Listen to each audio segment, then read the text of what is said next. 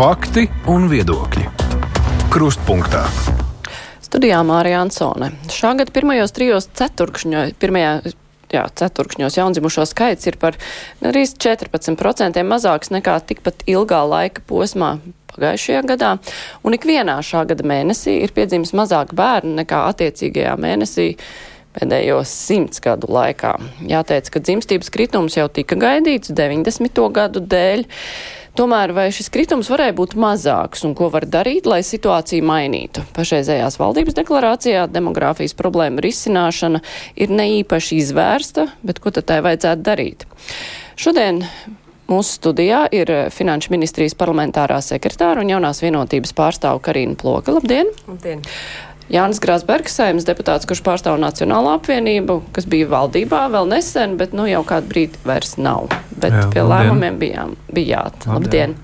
Elza Lāma ir Latvijas Universitātes sociālo zinātņu fakultātes komunikācijas zinātnes doktora grāda kandidāta. Labdien! Labdien! Un Jānis Hermanis, Latvijas darbdevēja konfederācijas finanšu un nodokļu eksperts. Labdien! Labdien. Mēs ar jums un jums, Lāmas kundze, tikāmies pirms aptuveni gada, kad bija nākus klajā tautas atautas stratēģija. Toreiz jau tika secināts, ka dzimstības kritums e, būs, un tas ir tāds, nu, ar to jārēķinās līdz apmēram 30. gadu vidum, kad būs atkal kāpums. Bet, e, nu, pa šo gadu, un paskatoties tos pēdējos gadus e, datus, vai tas kritums ir lielāks nekā mēs toreiz gaidījām, vai, nu, situācija ir apmēram tāda, kā tika prognozēts. Um, es domāju, ka kritums ir lielāks, uh, bet šeit uzreiz arī jāsaka, ka es papētīju datus citās valstīs. Uh, līdzīga, uh, līdzīga ir arī Lietuvā un Igaunijā, kas ir mūsu kaimiņu valsts, arī viņām ir šis kritums. Un, starp citu, arī šeit ir dzimstības koeficienti. Nevis, te, te, tu, mēs zinām, ka māmiņu skaits uh, kļūst mazāks, un tas ietekmē visus, bet tieši šie koeficienti parāda to. to, to nu, teiksim, šo te tendenci, kā, kā ir patiesībā precīzāk, un, un krīt arī Igauniem un Lietuviešiem. Un vēl starp citu, krīt arī citās Eiropas valstīs. Eirostats nezinu, kāpēc nav apkopojis datus par iepriekšējo gadu, par 22. parasti tas bija jūlijā, bet kaut kādas viņiem datu grūtības ir. Man pašam izdevās papētīt šur tur no citām valstīm, bet var secināt, ka krīt gan arī visās valstīs, kur ir šie dati saskaitīti. Dzimstības koeficienti krīt pat tādās valstīs, kur, kur demogrāfija ir ļoti augsta politiskā prioritāte. Tā skatā Ungārija, uh, Igaunija uh, un arī tādas valstis, kuras nav, ir tālu no kara darbības, kā piemēram Dānija, vēl citur Eiropā, nu, kas ir tālu no kara darbības zonas. Līdz ar to ir kaut kāds apstākļus, kas ietekmē visas Eiropas valstis, un mēs esam kaut kādā īpatnējā demogrāfisku izaicinājumu ciklā visā Eiropas un iespējams arī plašākā līmenī, kas varbūt arī saistīts ar pandēmiju, jo pandēmija varbūt arī psiholoģiski vai, vai kaut kā savādāk ir ietekmējusi cilvēkus, radījusi kaut kādus nedrošus apstākļus. Bet tik un tā ir jāsaka, ka tas kritums, kas ir Latvijā, skaitliski procentuāli, ja Igauniem krīt tur pa Igauniem, Igauniem un Lietuviešiem, tas kritums procentos bija mazāks šogad nekā mums. Mēs krītam straujāk. Un, un, protams, ja mēs runājam, ka ir kaut kāda kopēja Eiropas un varbūt plašāka mēroga problēma demogrāfijā, tad tomēr nu, mums arī jārisina šie mūsu mūsu specifiskie jautājumi, ja šīs pro problēma lietas jā, jārisina. Pirms gada, kad mēs runājām, mēs apskatījām nu, visdažādākos tautas ataudas stratēģijas tos aspektus. Tur bija ļoti daudz priekšlikumi vairāk kritizēti, vairāk atbalstīti. Tur par tiem mēs arī daudz diskutējām. Bet, nu, kas tad par šo gadu ir izdarīts? Vai šis dokuments nu, ir kaut kādā veidā iedzīvināts, mēģināts iedzīvināt? Nākot uz šejienes, es domāju, jā, kas ir mainījies par šo, par šo gadu, un, un, un iespējams es nācu šodien ar, ar, ar caur sniegiem brīdu, ar mazliet priecīgāku garstāvokli, jo no vienas puses mēs, manuprāt, tuvojamies tai bedrei, un no bedres vienīgais ceļš būs augšup, uh, bet no otras puses ir arī iedarbināti dažādi tie mehānismi, ko mēs, ko mēs gaidījām. Stambuls konvencija tu, tuvojās tam, ka mums arī tiks pieņemti šie, šie, šie regulējumi. Būs es ļoti ceru, ka būs arī partnerības, šī partnerības likums, dzīvesbiedra likums. Un, un, un arī citādi šķiet, ka, ka lēnām vecākus sāk sadzirdēt. Un, un vismaz arī valdības deklarācijā parādījās šis uzstādījums, ka Latvijas vērtība ir cilvēks un, un bērns un ģimene kopumā. Bet no otras puses, šie, šie ievedumi, jaunievedumi, un arī no tādas stratēģijas, ko pozitīvi vērtējam, ko mēs gaidām, tas viss nāk tik agonējoši lēni. Un, un tas, ko es vēlos pateikt, ģimenes ir nogurušas no pandēmijas, viņas ir nogurušas no, no kara, tepat blakām šīs nedrošības sajūtas. Un, Un, um, varbūt tagad, kad tiešām šie demogrāfiskie rādītāji kļūst jau kritiski zemi, mēs varbūt varētu sākt domāt par to, ka ne tikai ģimenes no trīs bērniem ir vērtība, bet arī ģimenes ar vienu un diviem bērniem ir vērtība. Visas ģimenes ir vērtība, kā citēja Tospaus kundze, mātē Latvijai visi bērni mīļi. Varbūt par to mēs varētu, varētu tagad sākt runāt. Mhm. Bet uh, pašreizējai valdībai šīs demogrāfiskās problēmas, cik lielā mērā tā ir prioritāte, jo pēc deklarācijas, nu, tur ir tādi pāris vispārīgi teikumi, kas varētu ietvert eh, visu un var ietvert arī pilnīgi neko. Kā mums saprast, eh, ko pašreizējā valdība vispār plāno darīt šai ziņā? Nu, iepazīstoties ar valdības deklarāciju, eh, šķiet, ka viss, kas ir ierakstīts valdības deklarācijā, es gribētu teikt, ir prioritāte. Un tādēļ arī šī valdības deklarācija atšķiras no iepriekšējām. Viņa ir uh, tik īsa, kā nav bijusi nekad. Līdz ar to, jebkas, kas valdības deklarācijā ir ierakstīts, tā nenoliedzami ir valdības prioritāte.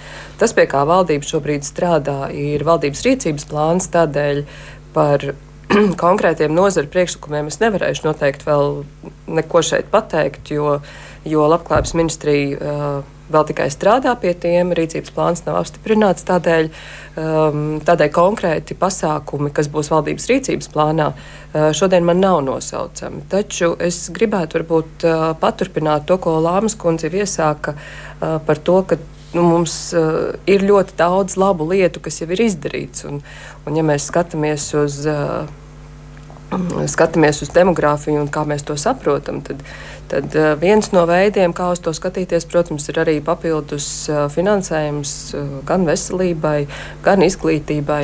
Tas pēdējos gados ir bijis visu valdību augsta prioritāte. Mēs varam teikt, tie ir mazi pasākumi, bet tas pats, tā, teiksim, tā pati bērnu zobārstniecība, kurai ir būtiski papildus līdzekļi atvēlēti, tā pati vakcīna pret papilomas vīrusu, kas ietekmē bērna dzīvi tālāk, jo nodrošina, ka viņš nesaslims ar onkoloģiju, kas ir šobrīd nodrošināta visiem bērniem no 12 līdz 18 gadu vecumam. Tā ir, mm, tas ir papildus finansējums demogrāfijai. Tāpat, ja mēs runājam par papildus finansējumu 5 miljonu apmērā tieši bērnu veselības aprūpē kā tādai, tā, tās ir visas tādas uh, mazas lietas, ko mēs nu, līdz šim tomēr varam teikt, ka tās ir izdarītas. Bet runājot par uh, tautas attaudzes stratēģiju, es tomēr nesauktu to par dokumentu, jo tas nav apstiprināts ne ministru kabinetā, ne kādā citā institūcijā. Bet tas ir tas tāds ir... milzīgs dokuments, kur tika ieguldīts tas... laiks, līdzekļi, un tur bija ļoti daudz priekšlikumu, konkrēti priekšlikumu, ko vajadzētu darīt, un jautājums, vai šie darba augļi tiek izmantot kaut kā. Kāpēc gan vajadzēja tērēt naudu, sagatavot tik milzīgu pētījumu, kur pēc tam neizmanto? Nu, tas nebija ne Finanšu ministrijas, ne Labklājības ministrijas lēmums. Tas bija Demogrāfijas lietu centra toreiz eh, šķiet virzīts projekts. Es eh, baidīšos, pabaidīšos šobrīd teikt, cik liela finanšu līdzekļu tur tika ieguldīti, jo es teiktu, ka tas eh, nebija par valsts budžeta līdzekļiem veikts, veikts pētījums. Eh, bet es šobrīd negribētu spekulēt ar šo. Tas man tad ir vēlreiz jāpārbauda. Taču, mm, taču tas nav vēlreiz, tas nav apstiprināts ne ministru kabinetā, un tādēļ es, tas nav arī dokuments, uz ko ministru kabinetam šādā formā būtu jābalstās eh, kā uz, uz pasākumiem. Bet vienmēr, protams, ja šeit būtu labklājības ministrija, vienmēr varētu prasīt, kādēļ viens vai otrs pasākums no šī, šīs stratēģijas nav izcelts kā, kā viena no prioritātēm. Nu, labi, bet uh, vaicāšu tagad Grasbērkungam, jūs ilgi bijāt valdībā, un tagad tikai ir mazs posmiņš, kopš nesat, un demogrāfijas jautājumi ir bijis jūsu, nu, vienmēr izceltā prioritāte, ņemot vērā nu, demogrāfijas rādītājus un ģimeņu sajūtas. Kā jūs esat apmierināti ar savu veikumu? Es uh, teikšu, ka es neesmu apmierināts ar, uh, gan ar savu veikumu, gan uh, visu kolēģi kopējo. Jo principā ir tā, ka nu, tā valdībā būšana arī sanāca īsts īs posms. Ja mēs skatāmies uz iepriekšējo valdību, bija un, vēl pirms tam valdība. Manu klātbūtni, mm -hmm. ja, tad kā šīs saimnes deputātam, tad Nacionālajā apvienībā vienmēr demogrāfijas jautājumi bijusi, kā, bijuši kā prioritāte. Un, līdz ar to tādēļ mēs arī inicējām to, ka ir jābūt šai demogrāfijas bērnu ģimenes lietu apakškomisijai, kas šos jautājumus varētu virzīt. Jo uh, apvienojot uh, šo te. Uh, pārsvaru koordinācijas centru ar valsts kancelēju. Viens no maniem priekšlikumiem, kad, kad apvienoja viņus, bija tas, ka ir jāsaglabā šī pārsvariskā funkcija kā tāda. Man tajā brīdī. Uh, es atsaucu arī savu priekšlikumu tajā momentā, jo man labklājības ministrija un ministrs personā Eviks Siliņš solīja, ka labklājības ministrijā būs šāds te, koordinācijas centrs. Tad paralēli mēs saimā izveidojam šo apakškomisiju, kas sadarbībā varētu strādāt. Tad šajā gada laikā šis, šī te, orga, or, tāds kā organoīds ja, labklājības ministrijā netika izveidots. Līdz ar to ļoti grūti bija nu, visas ministrijas sasēdināt kopā. Tad mēs šajā apakškomisijā šo lomu sākām pildīt, lai gan tas, tas būtu bijis šis valdības procesa ietvaros jādara. Bet visu laiku sanāca tāda nu, ka mēs radām spiedienu, bet tu jūti, ka īsti eh, šīs lietas uz eh, priekšu neiet. Jo skaidrs, ka mūsu demogrāfija ir jāstāsta nu, tā visaptveroši, līdzīgi kā ir tāda kā visaptvero, visaptveroša demogrāfijas politika un uh, visas šīs lietas, kas uh, nu, ir ļoti daudz dažādas nevienlīdzības, ar ko saskarās uh, vecāki. Un, uh, līdz ar to, tad, uh, to redzot, kad uh, piemēram, ienākot ģimenei, bērnam, pirmajam, otrajam vai trešajam, īstenībā pilnīgi vienalga, kāds ir šis skaits, tad var redzēt šo nevienlīdzību pret vecākiem, kuriem nav bērnu. Un līdz ar to tas bija tas, ko mēs vēlējāmies iestrādāt budžetā, kamēr mēs vēl bijām pie valdības galda par to, ka ir obligāti jāpalielina šis atvieglojums par apgādību esošām personām.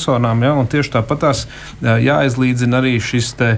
Uh, pabalstu līme, ap, apjomu, kas ir pēc bērna piedzimšanas, lai, lai nav šis kritums uzreiz pēc, jo savādāk ienāk bērns ģimenē, viens no vecākiem pārtrauc šīs darba attiecības, un līdz ar to sanāk, ka kopējie ģimenes ieņēmumi samazinās, bet izdevumi pieaug, jo ģimene ir kļuvusi lielāka. Līdz ar to tie bija šie risinājumi. Bet, par cik jau no māja mēs tikām atstatīti no šīm budžeta sarunām, un arī šī te, uh, nodokļu grupa un viss zaudēja savu nozīmi, tad šīs lietas vairs nevarēja iestrādāt. Un tas, ko es redzu šī brīža budžetā, ka tas nav iestrādāts. Runājot par pabalstiem, par māmiņa algu un par vecāku pabalstu, no labklājības ministrijas puses skan 25. gads, kad tos varētu palielināt. Uh, Tur bija, kur man minēta konkrēta summa, kas varētu būt eh, šis pabalsts, eh, kuru saņem, kas teikt ir 421 eh, eiro, ka tas varētu pieaugt līdz 600.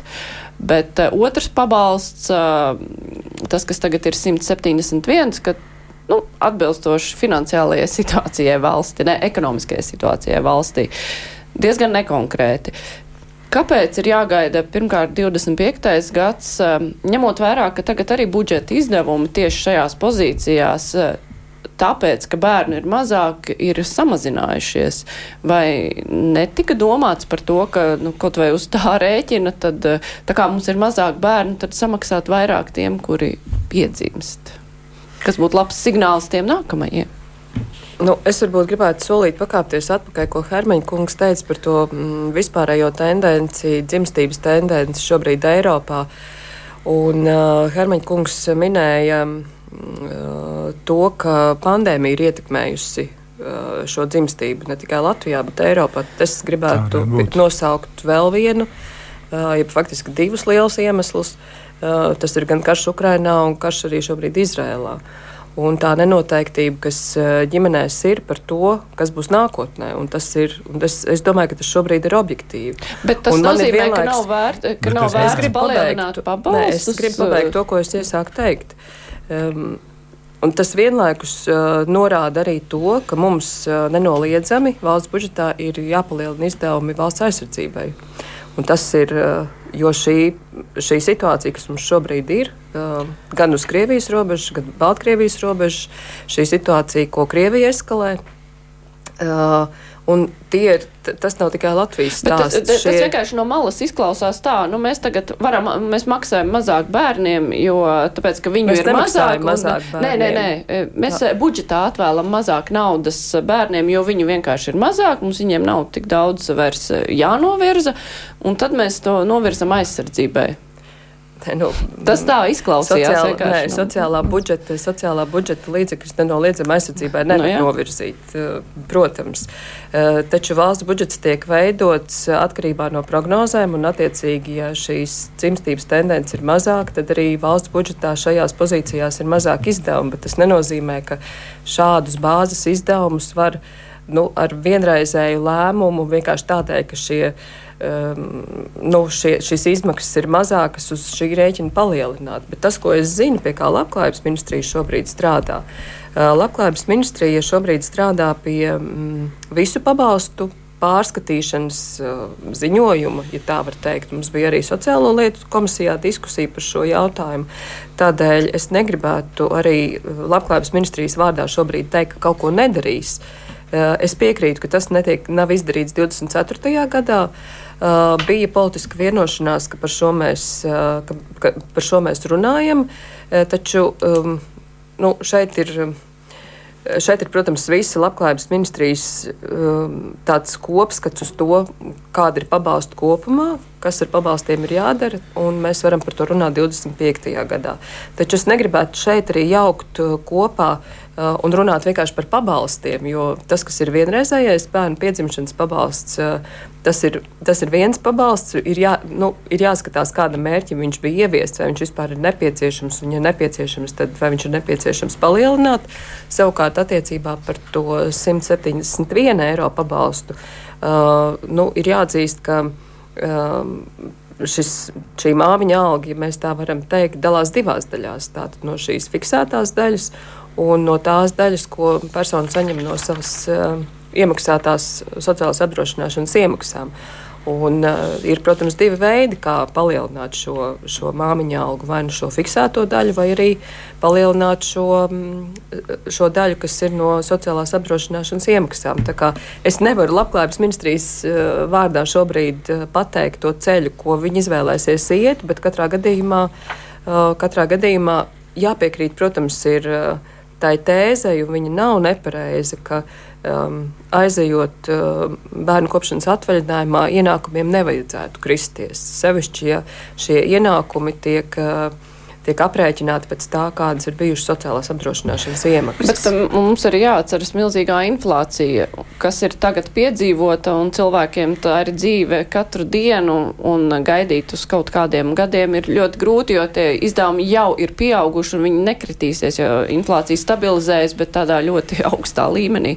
Mm, es, es vienkārši papildinot, jā, vienkārši par tiem 171 eiro, kas ir bērnu kopšanas pabalsts. To saņem uh, vecāki, kuri nav bijuši sociāli apdrošināti. Un ja arī tajā tautas attīstības stratēģijā bija teikts, ka mums vajadzētu uh, risināt, ka pēc iespējas ātrāk tie bērni dzimst un jau pēc universitātes vai universitātes laikā un atbalstīt, tad šiem vecākiem, šiem, šīm mātēm un tēviem uh, vienalga, uh, viņiem tie 171 eiro tas ir vienīgais, ko viņi saņem. Sanāk. Un tad, uh, ja mēs paceļam tikai vecāku pabalstu, tad tie 171 eiro šī brīža inflācijas robežas liekas smieklīgi. Un otra lieta, par ko es arī vēlējos pieminēt, ir, ir uzturlīdzekļu nemaksātāji. Un šis uzturlīdzekļu uh, garantijas fonds izmaksas, ko valsts sadz, ja, ja nesadz uh, lielākoties, diemžēl tas ir tēvs, tad ir 107 un 129 eiro mēnesī. Jā, tā būs atsevišķa sadaļa, par ko noteikti runāsim. Hermaņa kungs. Uh, jā, nu te jau minēja tātad par dažādiem šiem instrumentu veidiem. Ja, manuprāt, arī šī gada laikā ir būtiski mainījušies akcenti. Uh, ja, teiksim, tā demogrāfijas politika sastāv no kaut kādiem monetāriem stimuliem, ko mēs saprotam, pabalstus, atvieglojums, pakalpojumus, ko cilvēks naudi, naudā, naudā teiksim, tiešā veidā izjūt atlaides un tā tālāk. Un otrs ir pakalpojumu grozs, tur izglītība, veselība, tur bērnu dārza pieejamība, tas, ko, ko viņš nesaņem makā, bet kā saņem kā pakalpojumu, un tam jābūt pietiekamā kvalitātē. Tad tieši šīs inflācijas dēļ, ja inflācija mums caurmērā pieaugusi par 30% pēd, kopš 20. gada, kad līdzšinējie pabalsti pēdējo reizi tika pārskatīti, nu, tad, protams, ka skaidrs, ka pēdējos gados nu, ir, ir, ir pieauguši šī pabalstu nu, nozīme nozīmīgums. Un, kā jau minēju, jā, Labklājības ministrija bija rēķinājusi šo fiskālo ietekmi. Te bija skaidrs sarēķināts, ka 6 miljonus ietaupīja uz to, ka dzimst mazāk bērnu, mazāk jāmaksā vecāku pabalstos un mazāk maternitātes pabalstos. Tur ir 6-7 miljoni. Un šī nauda, nu, viņi būtu kaut kur arī jānovirza attiecīgi pabalstiem, kaut vai to pašu piedzimšanas pabalstu paceļot. Ja, vai arī pārskatot šo paba, arī nu, teiksim, šos te paba, pabalstu daļas māmiņai, kas ir bērnu. Bet otra lieta, ko Grasbērkungs minēja, bija atvieglojumi par apgādām. Kāpēc tas netiek risināts? Jo tas arī tiek nu, minēts kā ļoti efektīvs veids, kā ļoti mērķēti atbalstīt ģimenes, kurās ir bērni, viņiem piešķirot atvieglojumus par apgādājumiem. Tas nākamā gada budžetā netiek risināts, jo nu, šobrīd uh, atvieglojums par apgādājumu mums šķiet 250 eiro. Uh, un, nu, ir jāsaprot, ka jo vairāk bērnu, protams, jo ir jā, jābūt lielākai algai, lai šo atvieglojumu arī nu, spētu izmantot. Uh, spētu izmantot pilnā apmērā. Taču, ņemot vērā to, ka tas ir iedzīvotāja ienākuma nodoklis, tad 20% no tā aiziet pašvaldībām, un tas ir kritums pašvaldību budžetos. Mums ar to ir, nu, ja mēs šādu soli ejam, tad mums ir jāvienojas ar pašvaldībām, kā mēs pašvaldībām to kompensēsim no valsts budžeta. Tas un nav vienkārši. Nav redzējusi iespēju to kompensēt.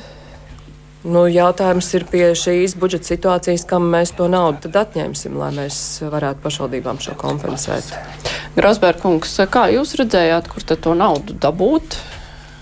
Nu, pirmkārt, jau tas, ko mēs arī dzirdējām, kur šī nauda paliek pāri. Tā, nu, jā, nu, tā tomēr ir salīdzinoši mazāka summa, un, ja mēs runājam par atvieglojumiem. Protams, šobrīd, mēs skatāmies uz šī brīža to piedāvājumu valsts budžetam, tur ir arī liela daļa. Ir, šis aizņemtā daļa. Un skaidrs, ka šo aizņemto daļu atdos nu, šie bērni, ja, kuru vecāki saņemtu šos te, arī šīs kompensācijas pabalstus. Un, ja mēs paskatāmies uz šo par apgādību esošo ja, bērnu, ja mēs skatāmies uz šo jautājumu, tad par atgādību esošo personu, tad mums katram ir 500 ja, šobrīd eiro. Zemākās algas saņēmējiem. Jā, zemākās algas saņēmējiem. Un par cik mums ir šī progresīvā līkme, tad pie 1800 eiro algas viņi principā nodzēšos.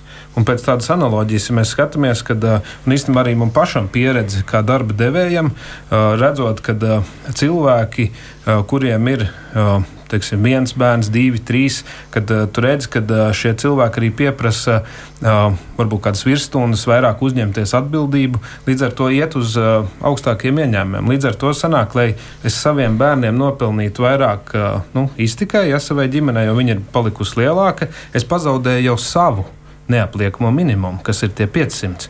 Un līdz ar to mēs katram iedodot šo 250, tad principā pie trešā bērna jau tie ir, nu, tie jau savējo jau pazaudējis pilnībā. Un, līdz ar to tas būtu jārisina. Pirmkārt, tas ir jā, no šīs aizņemtās sadaļas, un arī novērojumi no uzņēmēja vidus. Ja, tad, kad šie cilvēki daudz mazāk iet kādā sēna ekonomikās, viņi principā grib justies stabilāk. Līdz ar to nav šī mētāšanās pa darba vietām tik ļoti. Uh, teiksim, tā, redzama. Arī pašam, esot kā uzņēmējam laukos, tad tas bija tāds, kad atnāk cilvēks, un, ja viņam ir teiksim, vēl kāda parāda, vēl kādas lietas, viņš principā kļūst par tādu divu vai trīs mēnešu darbinieku, kur, nu, kurš rotē šos uzņēmumus, bet tie, kas nāk jau ar, ar tādām ģimenēm, un kuriem ir šīs atbildības sajūtas daudz augstākas, ka tu redz, ka viņš principā pat vispār neskatās uz to. Un tas ir ļoti svarīgi, un īstenībā tas pat ļoti motivētu, motivē būt teiksim, šajā te baltajā zonā, un, un šie, šie cilvēki parādīja to, ka, ja viņam ir šis atvieglojums, tad viņš principā ir gatavs maksāt šos nodokļus un saņemt lielāku atalgojumu. Līdz ar to tas arī mazina šo ēnu visu. Un, ja mēs paskatāmies vispār mēs runājam par to 171 un mainīgo daļu un fiksēto, tad uz šo brīdi tie ir 270 eiro, kas principā uzreiz jau pazūd pie Latvijas vidējās algas. Un, līdz ar to tāpēc, ir, kad būtu jāceļ gan šis bērnu kopšanas pabalsts, kas fiksēta daļa 171 pret mūs, mūsdienām, tas ir 466, pārreikinot pret to gadu, kad to ievies. Un plus, protams, runājot par šiem 43,75%, ko mēs saņemam kā mainīgo daļu no iemaksātiem nodokļiem. Bet eh, nu, šie atvieglojumi palielināšana, nu, kā tos kompensēt tām pašvaldību budžetiem, par ko ir tas lielākais, nu, kas ir tā lielākā problēma. Tie neiegūtie. Nu, IN iet uz pašvaldībām.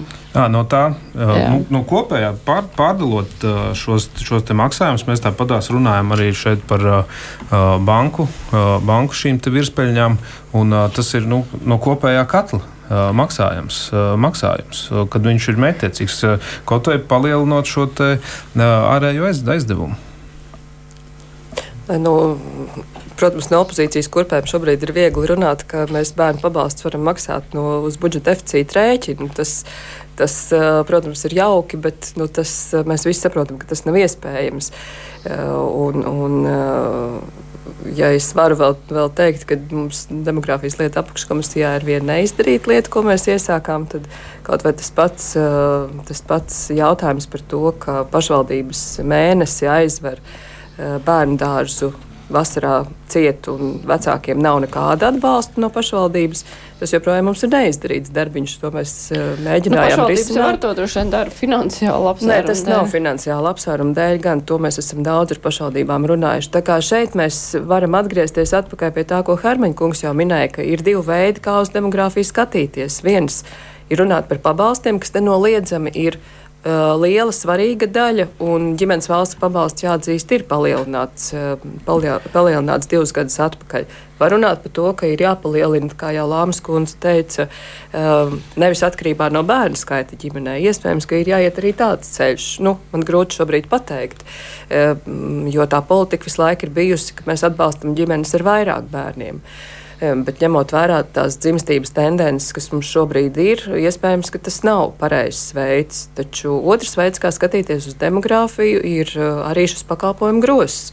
Un, un uh, pakalpojumu groza sadaļā, es domāju, es jau minēju vairākas lietas, un es varētu vēl veselu virkni minēt, kas uh, ir izdarīts, tiek darīts. Un, un, tas, protams, iet visā kopējā demogrāfijas stāstā. Bet, bet Tieši tā... tāpat kā atvieglojumi un pabalsti kas varbūt arī vēsturiski ir iegājies nepareizi, ka mums ir šī, mm, šī sadaļa sadalīta. Mums ir gan ģimenes valsts pabalsts, gan arī atvieglojums par apgādājumiem. Iespējams, ka tuvākajā vai tālākā nākotnē būtu tas viss jāapvieno un, un jāpasaka, ka mums ir viens atbalsta veids, nevis divi. Bet eh, ne, nu skaidrs, ka tas pakalpojumu grozs un uh, atbalsta sistēma finansiālā, nu, tās ir ab, lietas, kuras ir abas vajadzīgas, jo jebkurā gadījumā ģimenēm ir, nu, viena lieta ir nepieciešamie pakalpojumi bērniem, bet otra lieta, ka par visu ir jāmaksā. Un, uh, ja šobrīd ir situācija, ka ģimenes, kurās parādās bērni, tuvojas nabadzībai, tad uh, vajadzētu ar uh, kaut kādu iespējams, nodokļu politiku, to nu, nepieļaut.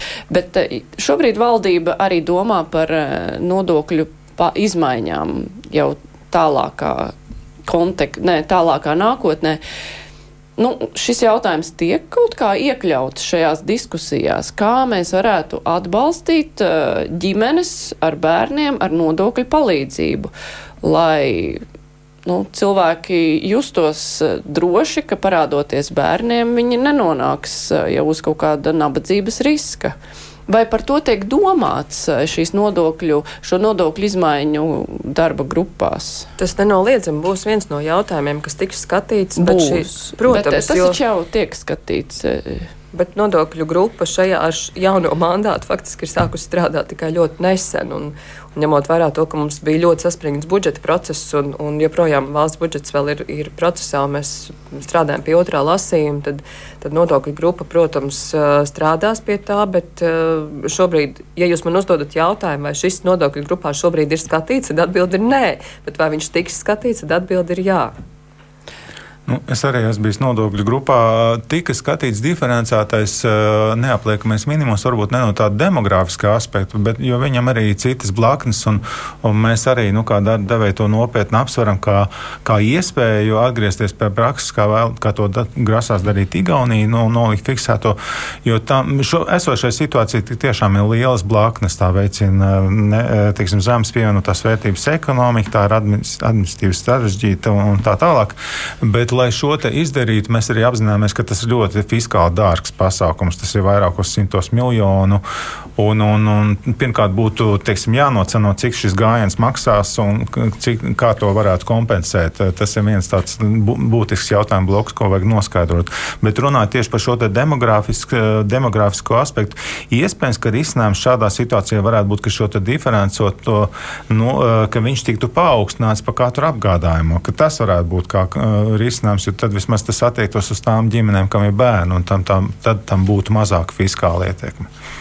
Jā, Lāmskundze pieminēja arī uzturlīdzekļu nemaksāšanas problēmu. Par to mēs tūlīt runāsim. Es tikai līdz tam atgādināšu, ka šodien kopā ar mums ir no Finanšu ministrijas parlamentārā sekretāre Karina Ploka, pārstāv jauno vienotību, saimnes deputāts, kurš pārstāv Nacionālo apvienību, Jānis Krāsbergs, Elza Lāma, Latvijas Universitātes sociālo zinātņu fakultātes komunikācijas zinātnes doktora grāda kandidāte, un Jānis Hermans, Latvijas darbdevēja konfederācijas finanšu nodokļu eksperts. Mēs tūlīt turpināsim.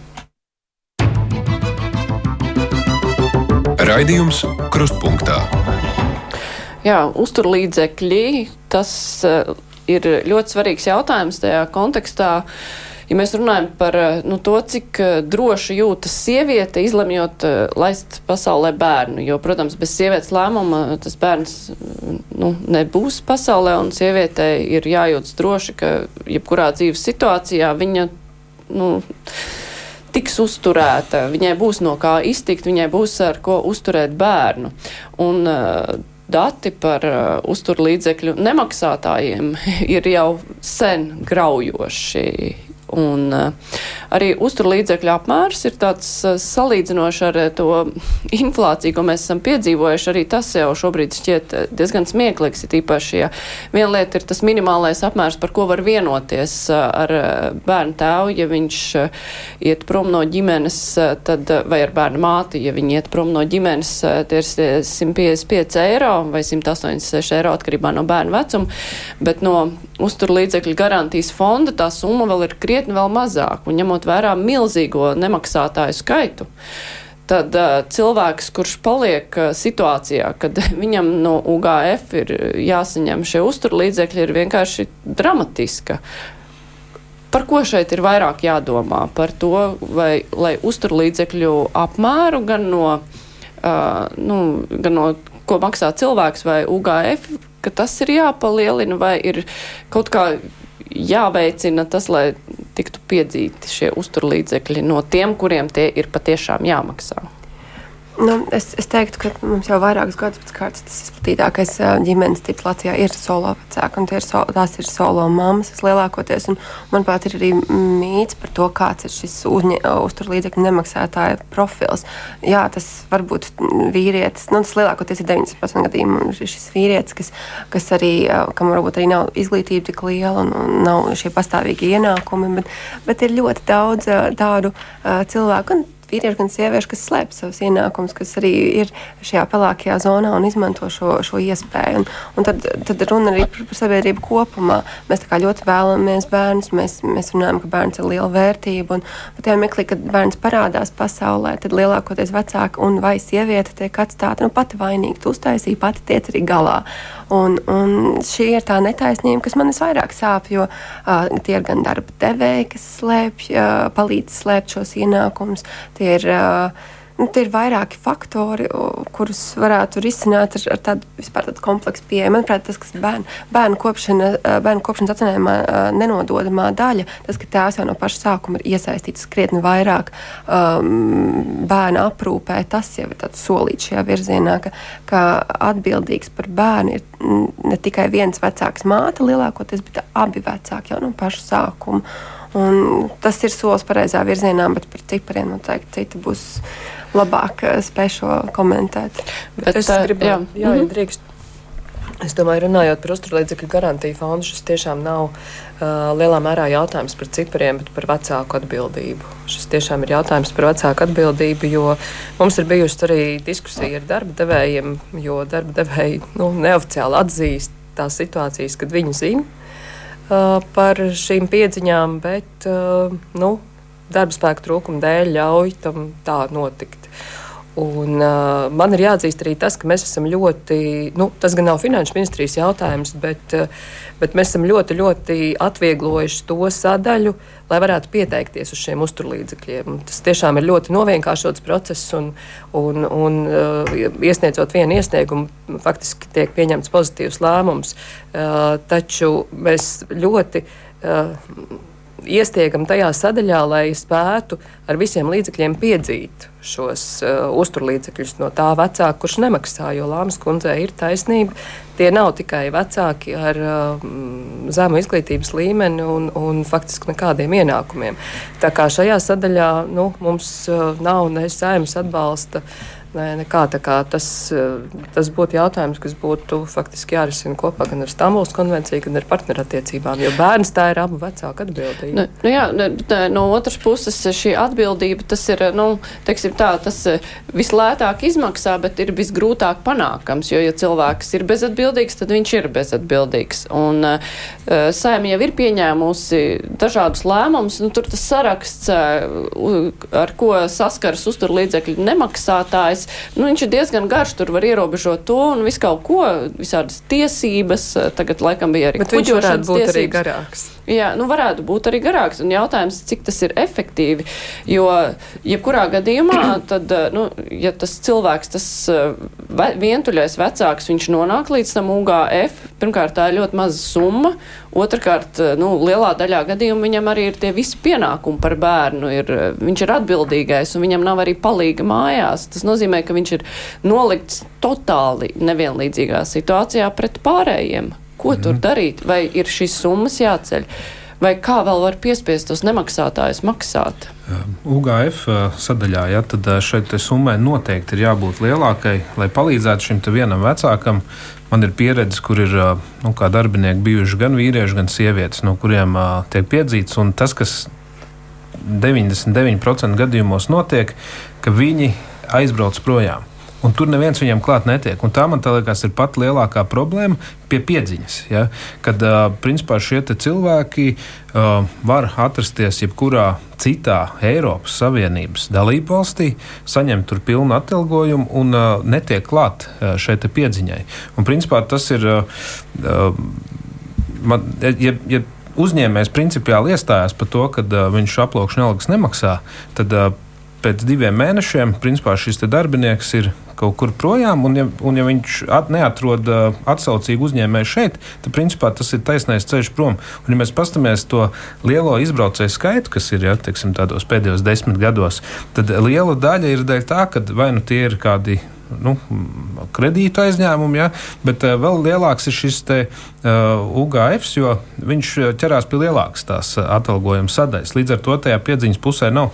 Bet uh, tas, ka uh, šie uzturlīdzekļi ir daudz pa mazu un ka viņiem būtu uh, jābūt. Uh, teiksim, piesaistītam kaut kur kaut kādam procentam no minimālās algas, ja, lai to varētu atļauties. Tas gan ir taisnība un uz, uz to pusi būtu jāstrādā. Un tas, kas šeit arī visu laiku ik pa brīdim izskan par šo Stambulas konvenciju un partnerattiecībām, tad es teiktu, pretēji, kad īstenībā šīs ideolo, kas, ideoloģijas, kas tur ir ietvertas iekšā, ka viņas mūs nes pretējā virzienā, ka viņas neliek kā lielāko vērtību cilvēka dzīvē, bērnus un ģimeni. Es, es, es to redzu pretēji, un tas ir tieši tas, kas izskaidro arī šos demogrāfijas rādītājus tādā rietumu pasaulē. Jo mēs pret rietumiem nesam nu, absolūtos ciparos baigas sliktākā pozīcijā. Līdz ar to es redzu, ka tas vienkārši nes līdzi to, ka cilvēks, es, es pats, liek sevi augstāk nekā mēs. Kā, nu jā, nu to, to var noteikti traktēt katrs citādāk, jo tas, kā piemēram Lāmas kundze redzēja, ka tas kāpina atbildību, savstarpējo un pienākumu vienlīdzību, tas ir cits. Bet labi, tas nav mūsu diskusijas temats. Mēs runājam šobrīd par uzturlīdzekļu apmēriem. Hermaņkungs ar to ir jāstrādā šobrīd.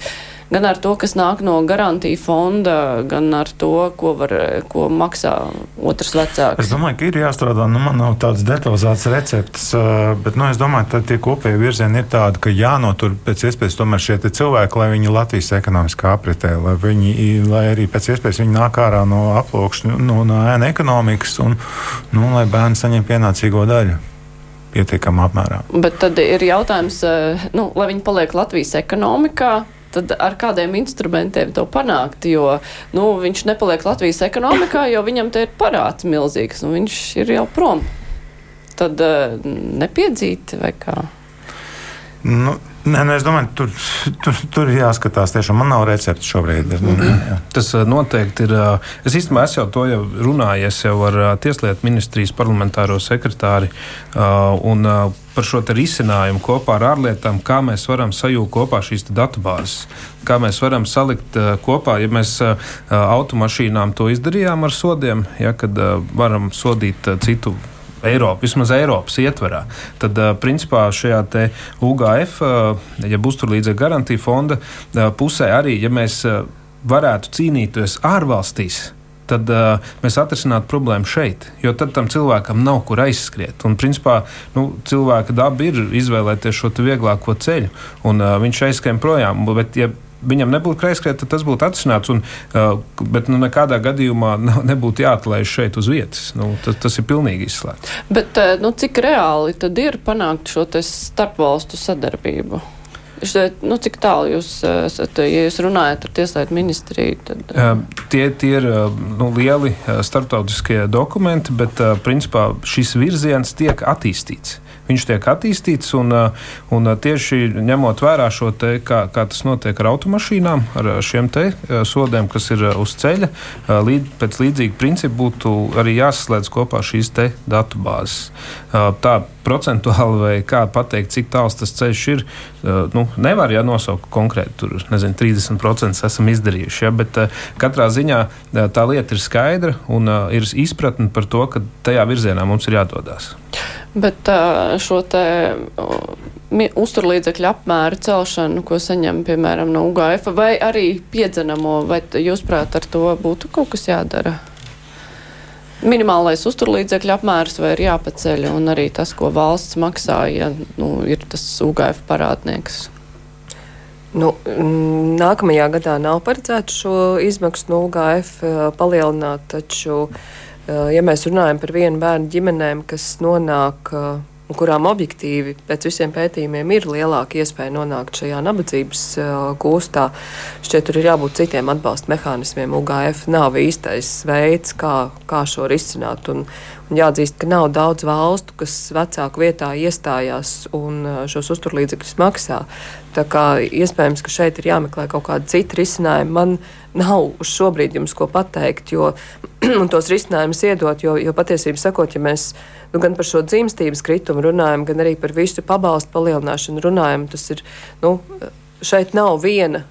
Viena laba risinājuma visam, visam demogrāfijas stāstam. Šeit ir jānāk kopā ekspertiem, gan no darba devēja puses, gan arī, uh, gan arī uh, akadēmiskajiem ekspertiem. Mums visiem kopā ir jādomā risinājumi, uh, jānāk tālāk arī valdībai, ri, skatīties, ko mēs varam, ko mēs varam darīt. Jo nu, es. Um, gribētu tomēr teikt, ka um, iepriekšējos gados mēs tos demogrāfijas atbalsta pasākumus esam pieņēmuši tādā ad hoc režīmā un, un nevienmēr uh, balstītus uz datiem. Un, un, uh, un mēs skatītos arī Hermaņa kunga virzienā, ka mums, mums tomēr ir jāskatās, kas ir tie dati un, un kur tas atbalsts tiešām visvairāk ir nepieciešams. Jo mēs varam emocionāli runāt par to, ka mums ir jaunās studentes, kas ir, uh, kas ir jāatbalsta, kurām nāk pirmais un otrais bērniņš pasaulē, bet jautājums ir, vai dati to parāda. Jo, piemēram, tad, kad mēs no Finanšu ministrijas prasījām datus par daudz bērnu ģimenēm, tad man nav līdzi šobrīd, bet, ja es pareizi atceros, tad sākot no pieciem bērniem uz augšu, sociālais nodoklis netiek vispār maksāts. Tas nozīmē, ka nu, nevar secināt, ka tās ir tikai nelabvēlīgās ģimenes, nenoliedzami, taču jautājums liels paliek, vai šīs daudz bērnu ģimenes lielā mērā nav, uh, nu, teiksim, sociālo dienestu redzeslokā, un vai tiešām mēs to dzimstību šajā pa, ceļot pabalstus gribam tieši šajā, um, šajā lokā palielināt. Bet tur jau tas trakums, ka arī te atgriežoties pie tautas attautas stratēģijas un eh, demografiskā lieta centra, viņi tur jau bija sanākuši tie akadēmiskie cilvēki, tie es pētnieki. Tur, tur bija, jā, tur bija ļoti daudz arī datu, un eh, tur par to rezultātu tur var strīdēties, tur bija strīdīgas lietas, eh, tomēr, nu, uh, tur bija mēģinājums vismaz apkopot redzējumu, kas ir jādara tālāk, bet jautājums, nu, ja tad mēs atkal to visu sākam no sākuma vai kā? Jā, es tieši vēlējos papildināt, jā, ka tieši desmit gadus bija šis demogrāfisko lietu centrs, un tur bija, nu, manuprāt, desmit pētījumi. Dažādi tur bija atrādu stratēģijā, pat bija norādīti, cik ir tie pētījumi. Vairāk no tiem bija ļoti kvalitatīvi. Es arī uz tiem atsaucos. Piemēram, 2018. gada pētījums Latvijas ģimenes paudzēs un 2022. gada pētījums, kas kā, atkārtoja 2004. gada pētījumu laulību, dzimstības un pozitīvu bērnu vecāku attiecību veicinošo faktoru izpēti. Varbūt nav tā, ka es personīgā pētniece piekristu visiem tā, tām rekomendācijām, bet ļoti interesanti, ka tās, um, ja tā var nosaukt progresīvākās, uh, um, progresīvākie ieteikumi tautas atradu stratēģijā neparādījās. Un, un tur ir jautājums jā, par datiem, kurus mēs izmantojam, neizmantojam, noklusējam, nenoklusējam, uh, bet tie dati ir un tos datus ir iespējams dabūt. Centrālās statistikas birojas lieliski veids visādas aptaujas un ir pētnieki vienkārši varbūt, ka tiešām beigsim taisīt stratēģiju pēc stratēģijas, bet ķersimies pie darba, jo uh, ģimenes vairs nevar gaidīt. Nu, tiešām, nu, atkal nākamais gads, nu, paciesim, pacietīsimies vēl vienu gadu, pacietīsimies vēl vienu gadu, bet viņi nevar vairs paciesties. Um, nu, ja jāsaka godīgi, tad uh, līdzīgi jau kā Ploks kundze pieminēja to, kad, uh, kad mums uh, bieži vien tādiem nu, izrāvieniem un tādām lietām notiek šī demogrāfijas atbalstīšana, un uh, nevelti uh, tas bieži vien notiek dēļ tā, ka uh, mēs kā Nacionālā apvienība iestājamies pozā un sakam, ka uh, mēs budžetu neatbalstīsim, tā kā bijām valdībā, ja nepieņemsim šo te, uh, izmaiņu. Un, uh, un tur atšķirās šīs politikas.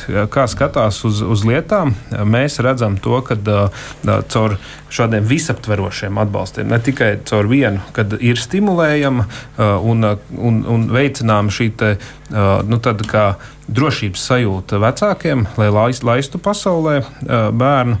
Un, tieši par to pašu arī garantiju fondu. Mūsu uzskats ir, ka Latvijai kā valstī ir jāiejaucās pa vidu. Ja viens no vecākiem ir aizmucis, nu, tad uh, Latvija ir jāuzņemās uh, šī otra vecāka funkcija. Nevis uh, jāpārskata, vai vispār ir uh, kaut kas tāds jādara. Jo jā, citās valstīs nav šāda, te, bet uh, tam advokātam ir jābūt valstī. Un tas dod uh, šai mātei vai tēvam nu, to uh, drošības sajūtu. Un, tie, tās ir tās politiku atšķirības, es tā viņas definētu. Un, līdz ar to šobrīd, skatoties šī brīža budžetu, nu, mēs ar bažām vērojam, ka, diemžēl, nu, tur nebūs nekāda šī te, kustība pareizā virzienā. Nu jā, mums arī atšķiras sociāla atbalsta līmenis no tām daudzām citām valstīm. Bet runājot par šo pētīšanu un tālāko plānošanu, Hermankungs, nu, kā jums šķiet, jūs arī esat piedalījies dažādu šo te pētījumu datu apkopošanā. Pētījumos neesmu Nē, bet, bet nu, tieši, tā kaut, jā. ko, kaut ko palīdzēs. Jā. Tad uh, pietiek šobrīd datu, nu, lai tiešām izstrādātu kaut kādu rīcības plānu, lai uzlabotu demogrāfiju, vai mums ir vēl kaut kas jāpēta un jāmeklē un jālemj, ko tad darīt. Nu, nu, tā pati tautas stratēģija, tā, tā jau bija starp, starp institucionālo ekspertu darba grupa, cik es saprotu, ja, kas izstrādāja rekomendācijas. Es saprotu, ka pat valdībā tas netika skatīts. Nē, Ploks kungs jau teica, ka tam Jā. ir tikai tāds, nu, tam nav nekādas tāds raksturs, ka valdībai tas būtu jāņem vērā. Nu, jā, nu, tāpēc nu, nav, nav tādas īsti konsekvences, jā, bet, nu, kā saka, mēs.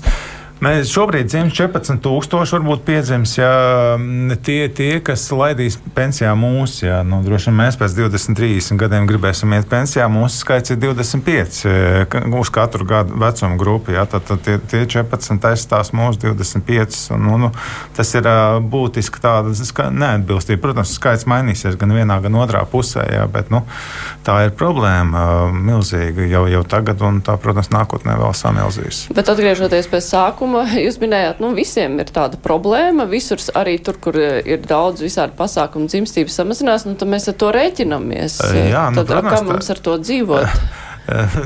Jā, nu, skaidrs, ka ne tikai Latvijā, arī citās valstīs šis demografiskais koks ir neveselīgs, un tās spēcīgi, ekonomiski spēcīgās valsts mēģinās to risināt uz vājāko valstu rēķinu, tā skaitā uz mums. Un, protams, nu, netiešā veidā arī jāveicina ekonomikas attīstība, lai šī dzīves līmeņa plaisa mazinātos starp, starp mums un Eiropas, Eiropas, nu, Eiropas valstīm. Jā, jo īstenībā jau šī te, nu, izsūkšana, jā, to jau mēs redzam, kad bieži vien mūsu cilvēki strādā šajās attīstītākajās valstīs un, un tur maksā nodokļus. Bet par tautas atautas stratēģiju un par dokumentiem, kas ir apstiprināti, tad es kā demogrāfijas bērnu lietu apakškomisijas vadītājs līdz valdības maiņai, kad mani atcēla no šī amata, tad uh, izveidoja tādu saliku kopā. Mums ir apstiprināts dokuments bērnu, jaunatnes un ģimenes attīstības pamatnostādnes 22. un 27. gadam. Un, uh, tur ir teiksim, sadaļas šajā te, uh, dokumentā, kas ir oficiāli apstiprināts. Tas ir Labklājības ministrijas dokuments, un uh, tur, piemēram, punkts veidot ģimenēm, bērniem atbilstošu un draudzīgu attieksmi sabiedrībā.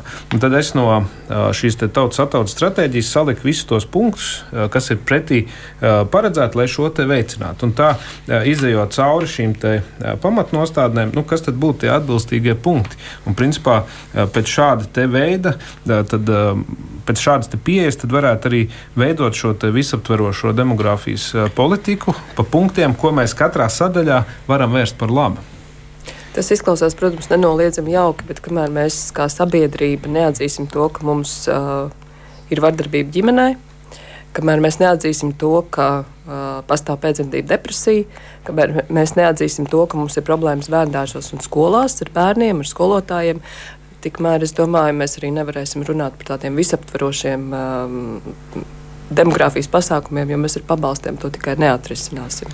Un kamēr mēs kā sabiedrība vairākums neatzīsim to, ka uzturu līdzekļu maksāšanas, izvairīšanās no uzturu līdzekļu maksāšanas nav, nav nekāds norma. goks, gods Bet... un norma, un visas to norādīs.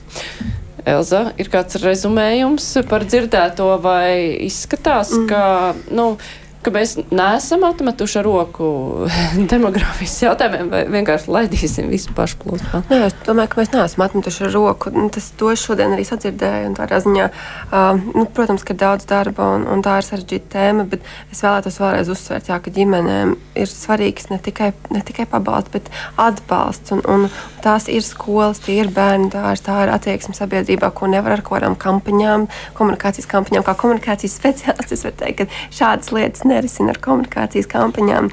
Tās ir tādas gadiem samilzušas problēmas.